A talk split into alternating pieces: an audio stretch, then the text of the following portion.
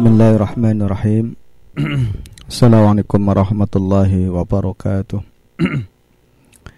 Alhamdulillah Wassalatu wassalamu ala rasulillah Wa ala alihi wa ashabihi Wa man walah Wa la hawla wa la quwata illa billah Allahumma rabbana Syarah lana sudurana Wa yassir lana umurana Allahumma anfa'na bima alamtana Wa alimna ma yanfa'una Warzuqna ilma Amma ba'd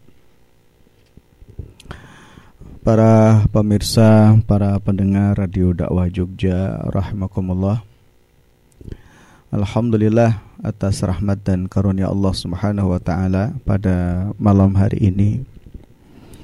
Malam yang ke-17 di bulan Ramadan. dan alhamdulillah alhamdulillah berkali-kali kita haturkan ucapan pujian kita kepada Allah Subhanahu wa taala. Rahmatnya dan karunia-Nya begitu besar Allah limpahkan kepada kita. Sekalipun di situasi-situasi yang sulit seperti ini Allah Subhanahu wa taala tetap memberikan kebaikan kepada kita semuanya. Dan tentu ini adalah nikmat agung yang Allah Subhanahu wa taala limpahkan kepada hambanya. Maka Allah katakan di dalam Al-Qur'an, "Fabi ayyi ala'i rabbikuma tukadziban." Bahwa nikmat Tuhanmu yang manakah yang kamu dustakan? Tentu mengingat-ingat nikmat Allah adalah merupakan bagian dari bentuk ibadah kita kepada Allah Subhanahu wa taala. Nikmat penciptaan alam yang begitu indah. Nikmat penciptaan diri kita yang begitu indah pula. Allah katakan laqad khalaqnal insana fi ahsani taqwim. Sungguh kami ciptakan manusia itu dalam bentuk fisik yang paling bagus. Nah, di malam hari ini insya Allah kita akan melanjutkan pembahasan surah Al-Mu'minun. Yang insya Allah malam hari ini kita di ayat yang ke-17 yaitu pada firman Allah Subhanahu wa taala A'udzu billahi minasyaitonir rajim. Wa laqad khalaqna fawqakum sab'a wa ma kunna anil ghal anil khalqi ghafilin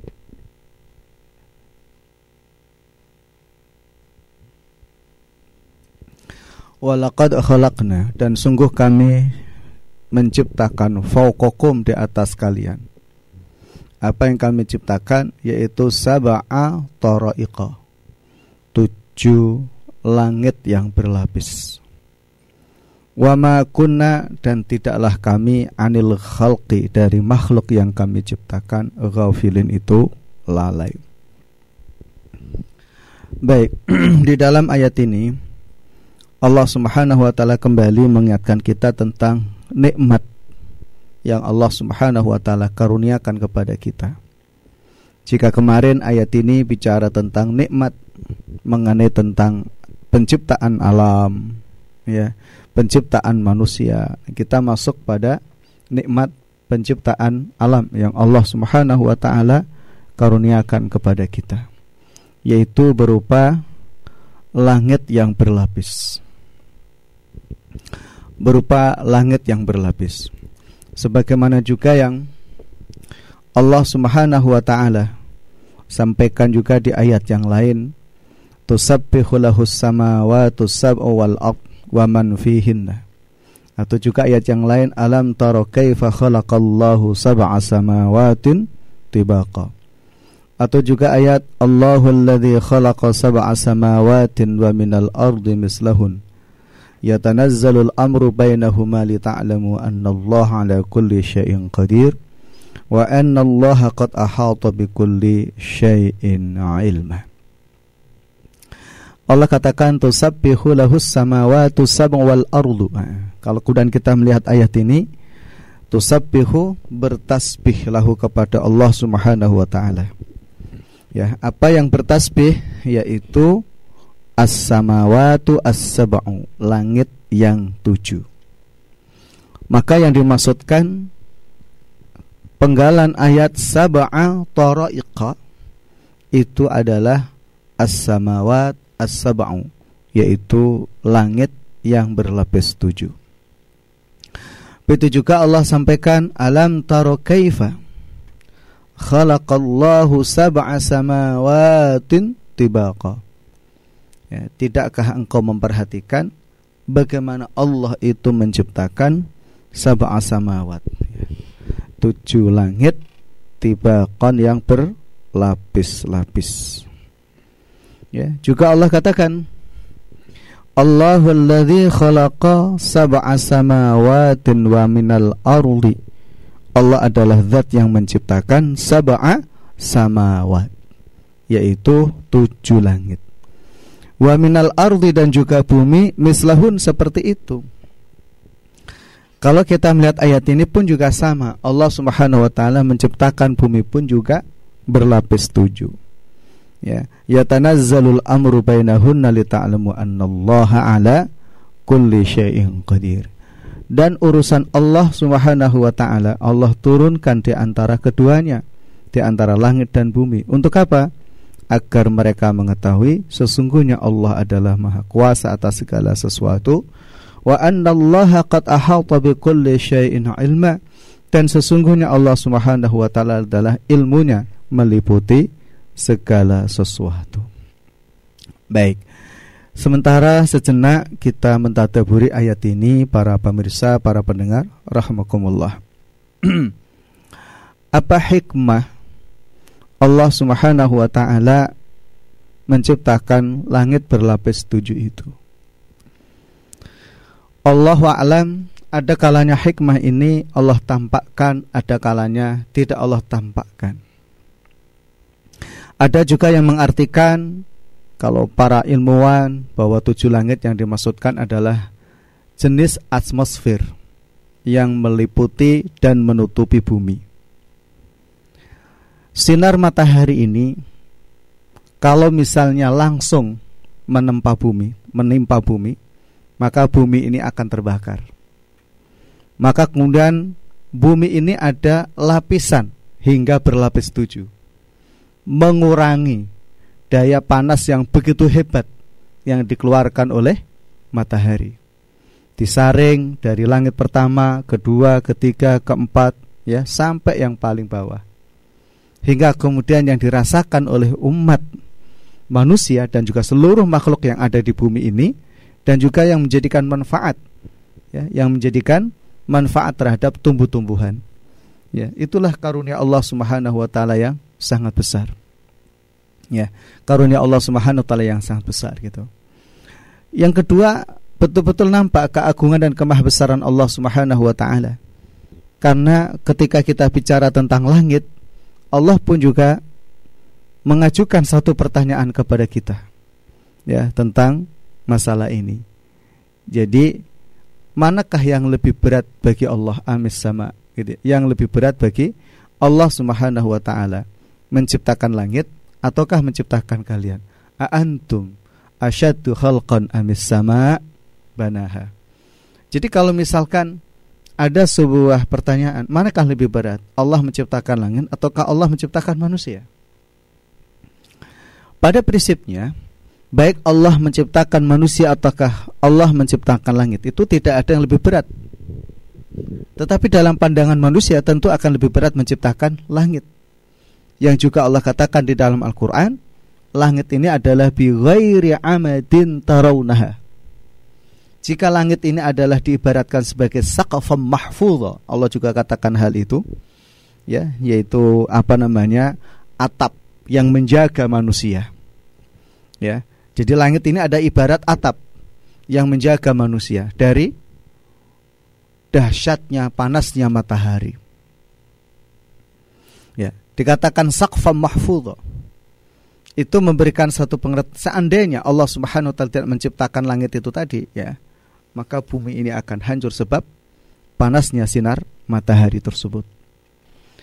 Jadi kalau kemudian kita lihat aspek-aspek itu maka kita akan melihat kekuasaan Allah, keagungan Allah dan kemahabesaran Allah Subhanahu wa taala agar kudan manusia itu melihat ya bahwa sesungguhnya manusia itu kecil jika dibandingkan dengan keagungan dan kemahabesaran Allah Subhanahu wa taala.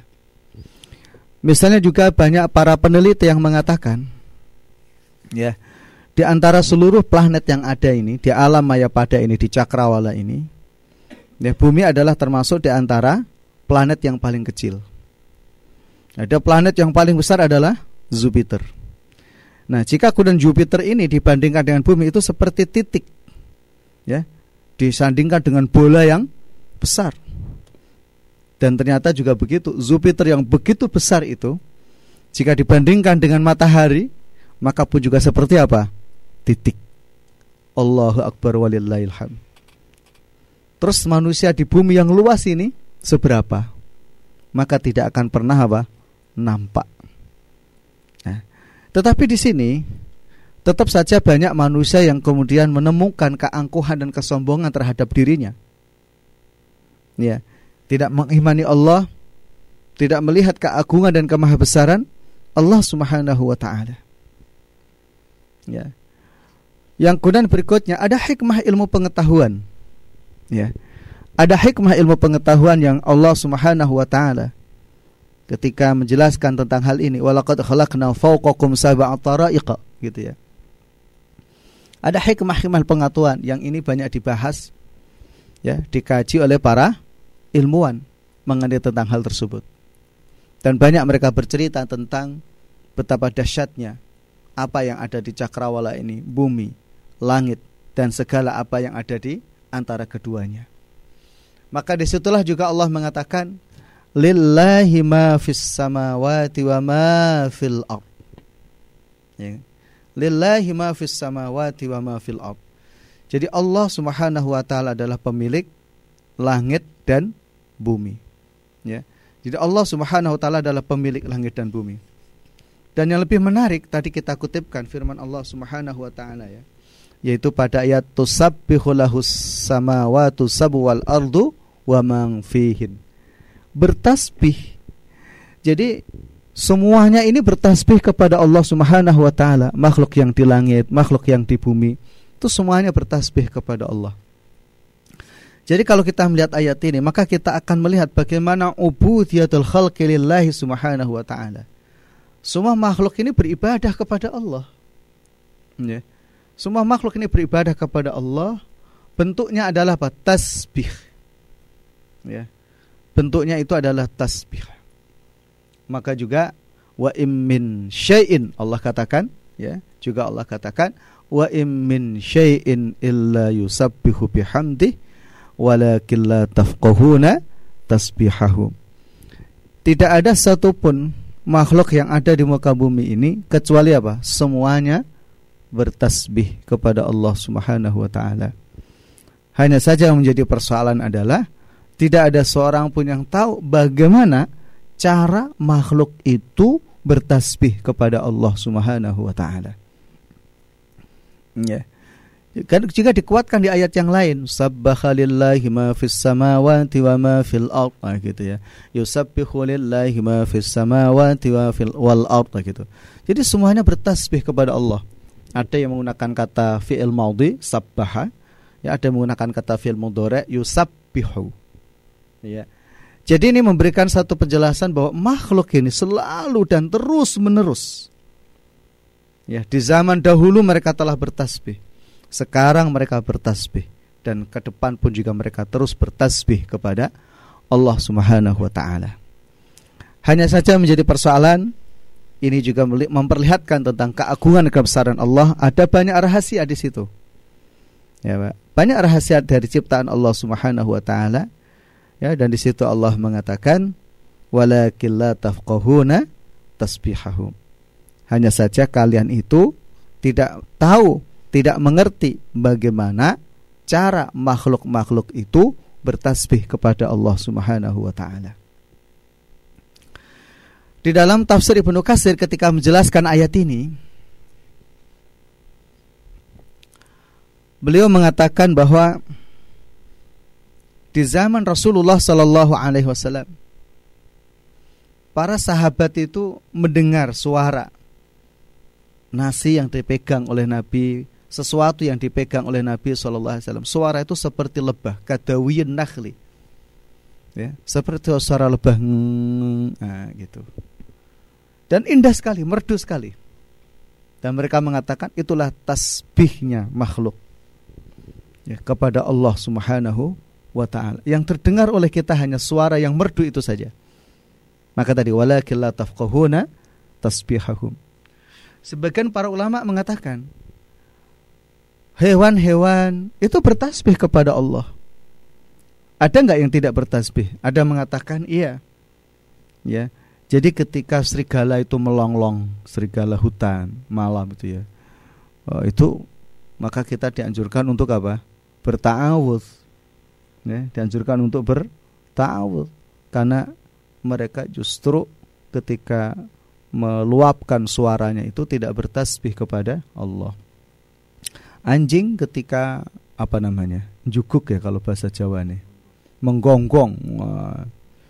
Itu juga ada yang mengatakan itu tidak bertasbih. Maka ketika kita mendengar anjing yang sedang menggonggong dianjurkan untuk ta'awudz. A'udzubillahi minasyaitonirrajim.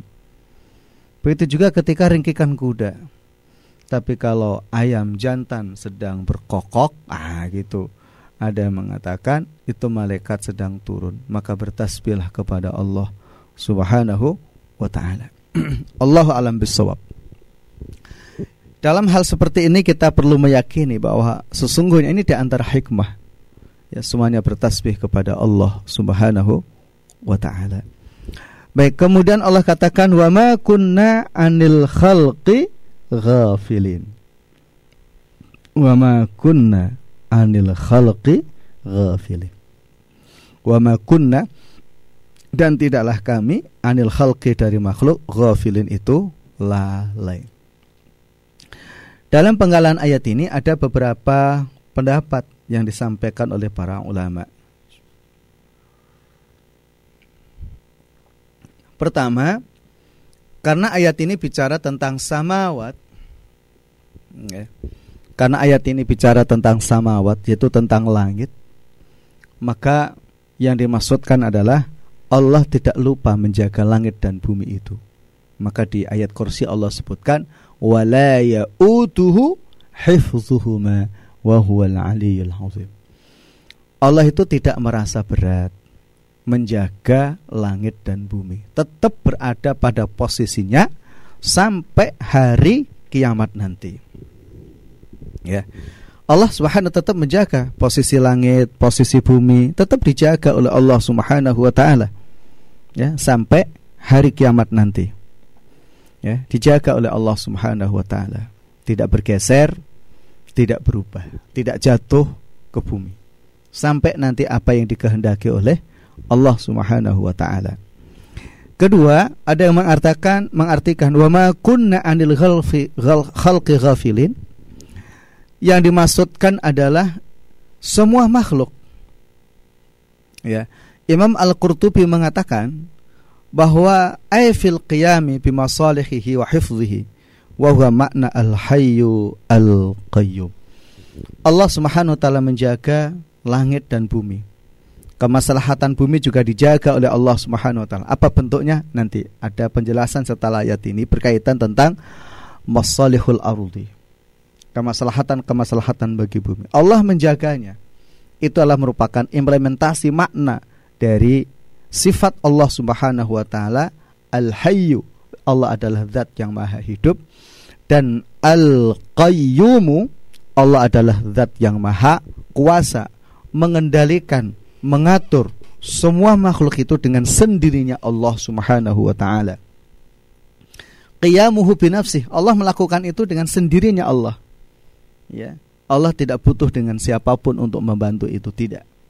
Maka Allah berkuasa atas semuanya tanpa lelah dan tanpa berat. Wala ya'uduhu khifdhuhuma wa huwal aliyyul azim. Nah, apa yang dimaksudkan Allah itu tidak lalai dari apa pun yang diciptakan oleh Allah Subhanahu wa taala selain menjaganya tadi ya kan dan juga memberikan hak-hak yang dibutuhkan oleh makhluknya Termasuk di dalamnya adalah masalah rizki. Ya, Allah katakan, "Wa ma min dabbatin fil ardi illa 'alallahi rizquha."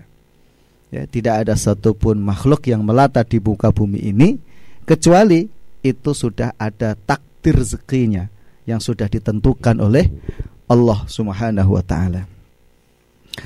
Termasuk juga adalah sesuatu yang bermaslahat bagi seluruh makhluknya. Jadi misalnya Allah Subhanahu wa taala ciptakan kita di negeri yang seperti ini, ya ini memang sudah maslahat bagi kita seperti ini. Ya. Jadi tidak perlu kemudian kita berpikir yang neko-neko. Apa yang ada ini seperti ini, ini sudah menjadi kehendak Allah Subhanahu wa taala dan itu juga merupakan ujian bagi siapa pun kita. Ya. Ujian apa itu? Liyabluwakum ayyukum ahsanu amala jadi Allah Subhanahu wa taala menguji manusia, menguji hambanya, siapakah orang yang paling baik amalnya. Ya. Nah, berikutnya juga Allah Subhanahu wa taala tidak lupa yang urusannya dengan apa? Mencatat amal. Nah ini. Wa ma kunna anil khalqi ghafilin. Jadi tidak ada satupun manusia yang tidak tercatat. Semua amal manusia ini tercatat.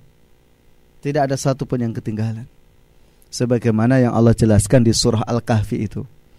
Wa wudi'al kitabu fataral mujrimina mushfiqina mimma fihi wa yaquluna ya waylatana ma li hadzal kitabu la yughadiru saghiratan wala kabiratan illa ahsaha wa wajadu ma amilu hadira wa yadhlimu rabbuka ahada. Ah gitu. Di dalam ayat itu Allah menjelaskan waudi al-kitabu fataral mujrimina. Kitab catatan amal manusia itu diletakkan dan orang-orang berbuat dosa itu melihat semua catatan itu tanpa ada satupun yang ketinggalan. Sampai kemudian mereka mengatakan, "Ya wailana, duhai celaka kami, mali hadzal kitab." Apa ini buku ini? Kok bisa seperti ini? Ya kan? Semuanya tercatat. La yughadir tidak ada satupun yang tertinggal. Saghiratan wala rotan yang kecil ataupun yang besar. Illa ahsoha kecuali di situ pasti akan tertulis di dalamnya. Wa wajadu ma'amilu hadir. Bahkan mereka menemukan apa pun yang mereka amalkan dahulu ketika di dunia itu nampak semuanya. Dan Allah katakan wala yadhlimu rabbuka ahada dan Tuhanmu tidak menzalimi seorang pun. Jadi Allah tidak pernah melupakan itu dan itu dikuatkan dengan ayat yang lain yang Allah mengatakan wa mallahu bighafilin amma ta'malun. Dan Allah Subhanahu wa taala itu tidak lalai dari apa pun yang dilakukan oleh manusia. Nah, terus kemudian apa hubungan ayat ini dengan ayat-ayat sebelumnya? Di ayat sebelumnya Allah mengatakan yaitu summa innakum yaumal qiyamati tub'atsun Kemudian sesungguhnya kalian itu besok pada hari kiamat itu dibangkitkan. Untuk apa mereka dibangkitkan? Yaitu ditanya tentang amal. Ya, ditanya tentang amal. Ditimbang amalnya, dihitung amalnya. Nah, di situ itu. Kemudian di sini Allah jelaskan wa ma kunna anil khalqi ghafilin. Nah, dan kami tidak lupa terhadap apa pun yang sudah berkaitan tentang apa? makhluk. Nah, kalau dalam ilmu balaghah kalimat walaqad khalaqna fawqa sab'a itu ada yang mengatakan disebut namanya jumlah mu'tarillah. Sebenarnya yang ingin Allah terangkan summa innakum yaumal qiyamati tub'atsun nah gitu ya. Karena berhubungan dengan hisab, berhubungan timbangan amal, perhitungan amal, ada kisos dan lain sebagainya, ya kan? Maka di situ Allah katakan wa ma kunna anil khalqi anil khalqi ghafilin. Jadi Allah Subhanahu wa taala itu tidak lalai, tidak lupa terhadap apa pun yang dilakukan oleh hambanya, oleh makhluknya. Tidak ada satupun yang lalai dari Allah Subhanahu wa taala. Tapi kenapa di situ cerita tentang langit dan bumi? Ya. Kenapa sih cerita tentang langit gitu? Masya Allah. Karena ada penciptaan yang lebih rumit dibanding dengan manusia. Langit dengan segala isinya, bumi dengan segala isinya itu jauh lebih rumit. Itu pun Allah tidak lupa, tidak lalai. ya, apalagi amal yang tercatat amal yang dilakukan oleh manusia tidak ada satupun apa yang lalai dari perhatian Allah Subhanahu wa taala. Nah, baiknya. Kemudian kita lihat ayat berikutnya. Wa anzalna minas sama'i ma'an biqadar ardi wa inna ala dhahabin bihi laqatirun wa anzalna dan kami turunkan minas sama'i dari langit ma'an air. Biqadar sesuai dengan ukuran. Nah air yang sudah Allah turunkan itu kemudian faaskannahu fil ardi. Allah simpan Allah tetapkan di dalam bumi wa inna ala dhahabim bihi laqadirun dan kami kata Allah untuk menghilangkan itu pun juga mampu ah baik dalam ayat ini yang uh, surat Al-Mu'minun ayat ke-18 ini ada tiga penggalan ayat ya. Pertama, wa anzalna minas sama'i ma'an biqadar. Nah, gitu. Di dalam tafsir Al-Qurtubi ya, dijelaskan mengenai tentang makna ayat ini yaitu ay ala miqdari mislah sesuai dengan ukuran kebutuhan bumi tersebut. Ya, sebagaimana juga Allah katakan wa im min syai'in illa indana khazainuhu wa ma nunazziluhu illa biqadarin ma'lum. Allah katakan tidaklah kami turunkan itu sesuai dengan apa? kebutuhan yang ada di dalamnya. Ya, kebutuhan yang ada di di dalamnya. Nah, Al Imam Ibnu Katsir rahimahullah mengatakan jadi ayat ini menjelaskan tentang nikmat Allah Subhanahu wa taala ala yazkuru ta'ala ni'amahu ala abidihi allati la la tu'addu wa la tuhsa. Allah Subhanahu wa taala menyebutkan di sini nikmat Allah yang luar biasa besarnya yang tidak sanggup dihitung oleh manusia. Apa itu? Fi inzalil qatr minas sama'i biqadar. Ini kata Ibnu Katsir. Jadi Allah Subhanahu wa taala menurunkan hujan dari langit itu sesuai dengan ukuran. Apa manusia ukuran itu?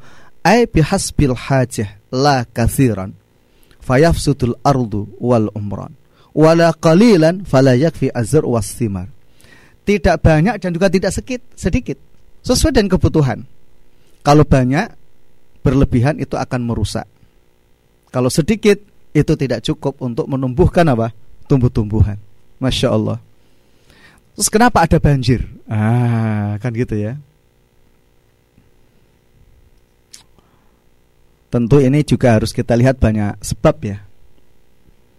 Nanti kita hubungkan dengan penggalan ayat berikutnya yaitu faaskannahu fil ardi. Jadi konon para nah di sini mungkin ada teman-teman yang belajar ilmu bumi ya. Nah, ini ada yang ahli pertanian, ada yang ahli bumi di situ. Jadi tanah itu kan mengandung air yang terkenal dengan apa? kandungan air tanah. Ya kan? Jadi tanah itu membutuhkan air. Karena air ini terus disedot oleh manusia. Gitu kan? Disedot oleh manusia. Maka air tanah ini apa? Berkurang. Nah, saat-saat air tanah itu membutuhkan air, maka Allah menurunkan hujan untuk memenuhinya kembali. Untuk memenuhinya kembali gitu. Jadi Masya Allah ini ayat min ayatillah jadi kalau orang bicara tentang ilmu alam, ilmu bumi di sini ada penjelasan disampaikan oleh Allah Subhanahu wa taala. Ya, sehingga kalau kemudian air hujan itu tidak bisa meresap ke dalam tanah, ya kan? Terus mau ke mana air itu? Ya, tentu akan merusak. Padahal tujuan Allah menurunkan hujan itu bukan untuk merusak, tetapi untuk menyuburkan tanah, agar tanah itu bisa bermanfaat bagi manusia untuk bercocok tanam. Dan kalau kemudian kita sandingkan dengan ayat fa'askan nahu fil ardi agar air itu juga tersimpan di dalam bumi itu agar manusia itu bisa mengambil mata airnya untuk kebutuhan mereka. Allahu akbar walillahilham. Ya. Kalau di dalam surat An-Naba Allah juga bercerita tentang ini secara global dan disandingkan dengan apa? Wahada hulba. Nah, gitu. Wahada hulba dan taman-taman tumbuh-tumbuhan yang lebat. Ya. Ini bisa kita artikan hutan.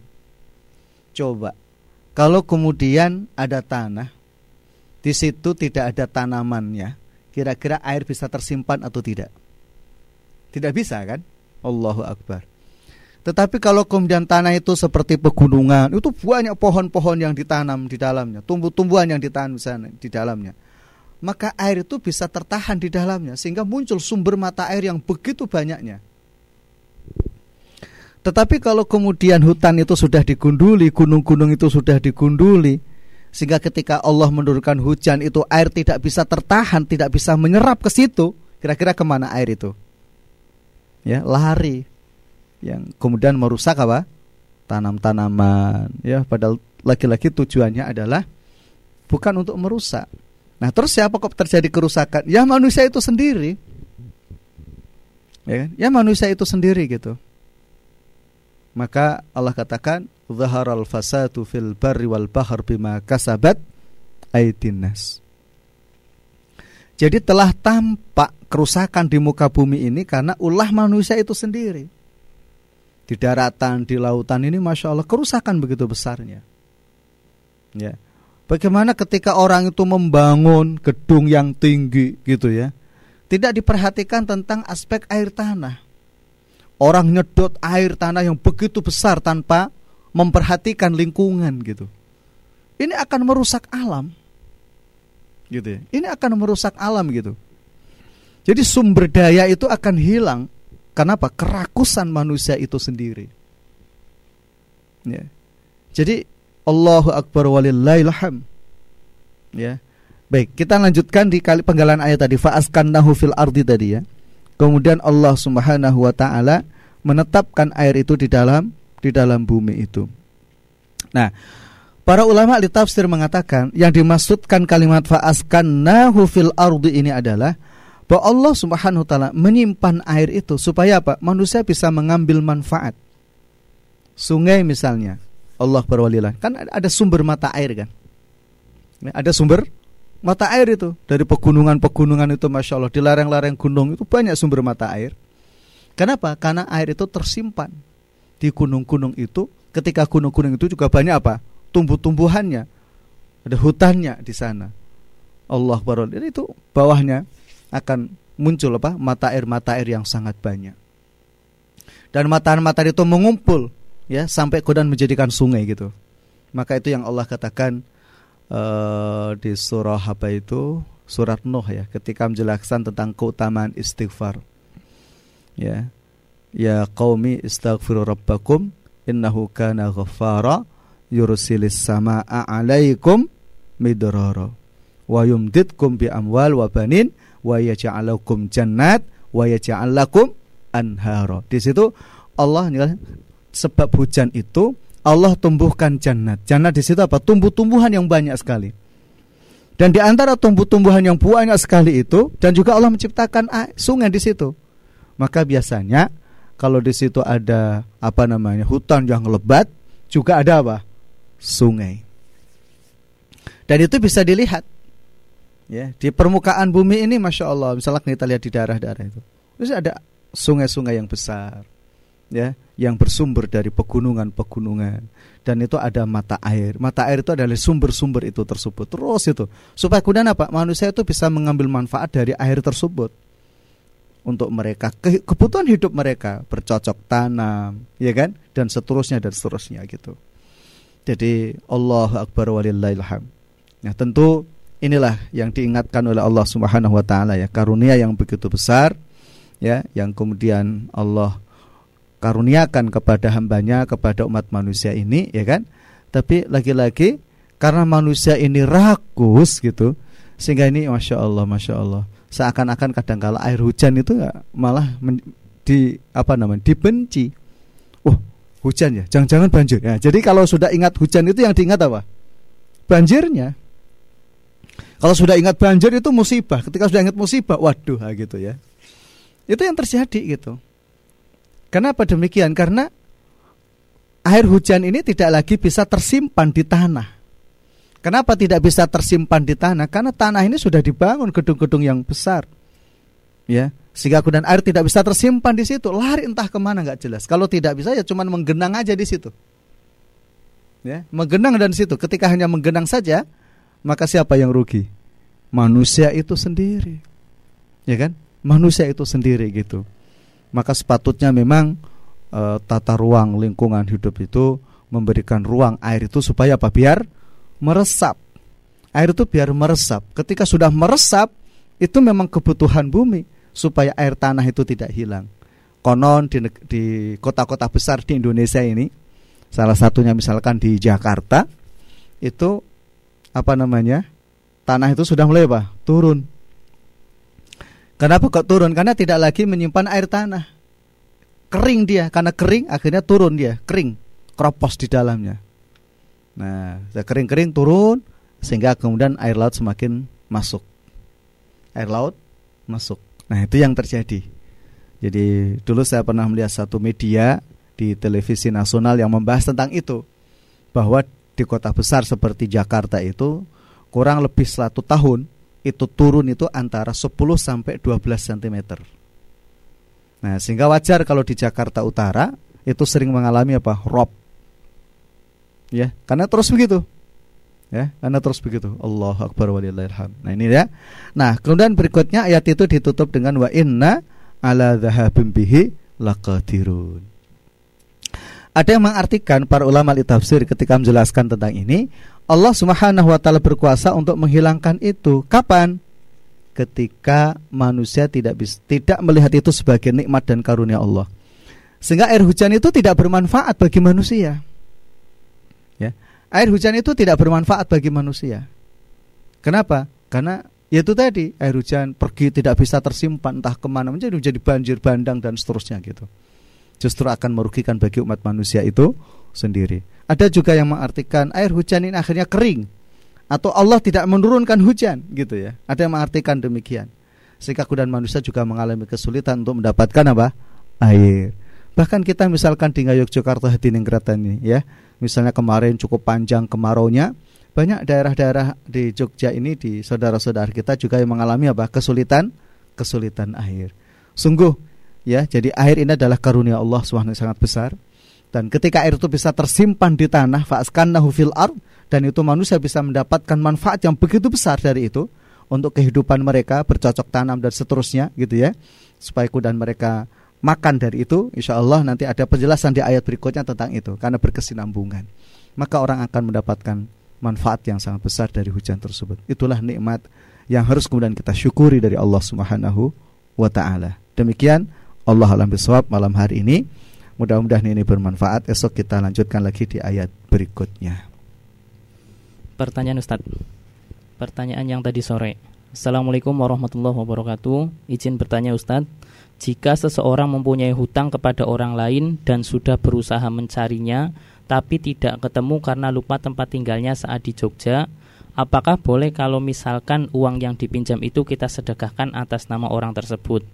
Dan apakah hutang saya sudah bisa dikatakan lunas? Jazakallahu khair Ustaz. Hutang itu hak Adam, manusia dengan manusia yang hubungannya dengan akad dan transaksi yang ada di dalamnya. Kalau akadnya hutang ya hutang.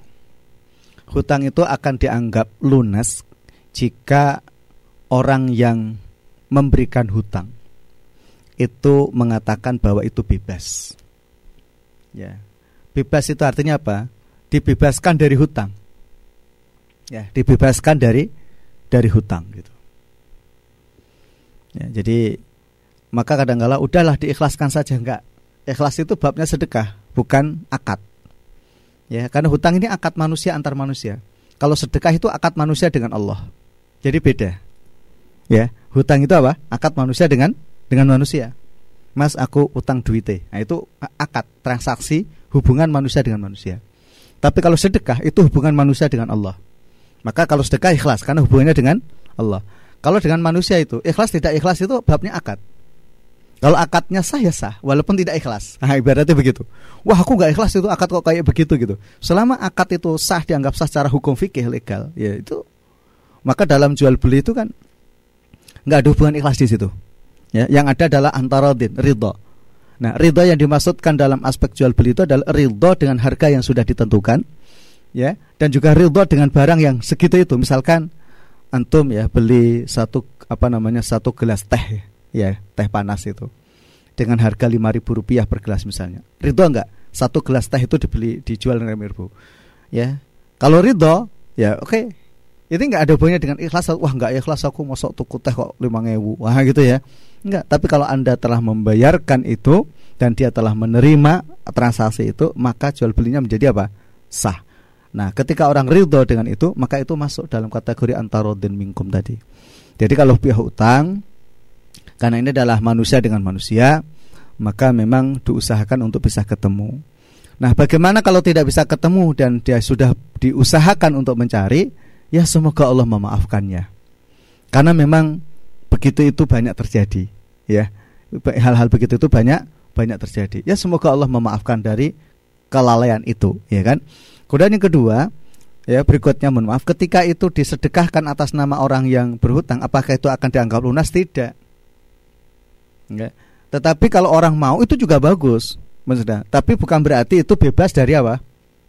Dari hutang. Karena yang membebaskan hutang bukan Allah. Yang membebaskan hutang siapa? Orang yang dihutangi. Gitu. Maka dalam bab itu bisa kita lihat misalkan nanti di kitab Bulughul Maram bab al-janazah itu ada kisah menarik. Rasulullah Shallallahu alaihi wasallam itu enggan mensolati orang yang masih punya hutang ya hingga kemudian hutang orang tersebut ditanggung oleh Abu Bakar As-Siddiq radhiyallahu ya Rasulullah aku yang menanggung hutangnya nah itu karena ini hak, hakul adami jadi harus manusia yang membebaskannya ketika sudah ditanggung ya maka kalau dalam uh, muamalah itu kan ada akad namanya khiwalah khiwalah itu apa memindahkan apa pembayaran hutang ya, memindahkan pembayaran hutang itu dibolehkan dan itu ada pembahasan dalam kitab-kitab fikih, ya kan? Karena pekan itu transaksi manusia dengan apa? Dengan manusia, bukan transaksi manusia dengan Allah. Ya, sehingga yang membebaskan bukan Allah, tapi membebaskan apa? Manusia. Ketika manusia itu sudah membebaskannya, maka berarti hak manusia sama manusia itu sudah selesai. Sehingga oleh karena yang membebaskan itu manusia, hak utang itu akan terbawa sampai nanti di hari kiamat. Ya, akan terbawa. Maka sampai dalam satu hadis Nabi Shallallahu Alaihi Wasallam kan, siapa pun orang yang berhutang, ya kan, dan hutang itu belum lunas sampai dia mati, hutang itu akan menjadi pengganjal dia masuk surga. Hutang itu akan menjadi penghalang seseorang masuk surga sampai kemudian hutang itu dibebaskan oleh yang berhutang, yang dihutangi. Gitu. Di hadapan Allah nanti juga ada kisos di situ. Ya, di hadapan Allah juga ada kisos di situ tentang hutang tersebut. Maka bahaya memang ini ya kan? Maka Rasulullah kan mengajarkan kita supaya tidak berhutang ya. Tapi kadangkala kita itu kan senang hutang. Ya, kalau bisa janganlah berhutang. Gitu. Kalau nek iso, pokoke ojo nanti utang. Ya, kecoba kepepet. Waduh, udah kepepet terus ya. Jadi utang bahaya gitu. Karena itu hakul adami. Allah pun juga tidak membebaskannya karena yang pihak itu nggak membebaskan. Maka besok di hari kiamat ada kisah di sana. Ya kan? Sehingga kemudian Allah menahan orang itu masuk surga sebelum hutangnya apa? Selesai. Terus bagaimana besok di akhirat? Ya itu urusan Allah. Allah yang akan menyelesaikan semuanya besok di akhirat. Karena pengadilan yang paling adil adalah di hadapan Allah Subhanahu wa taala. Demikian Allah alam bisawab. Cukup Ustaz. Ya.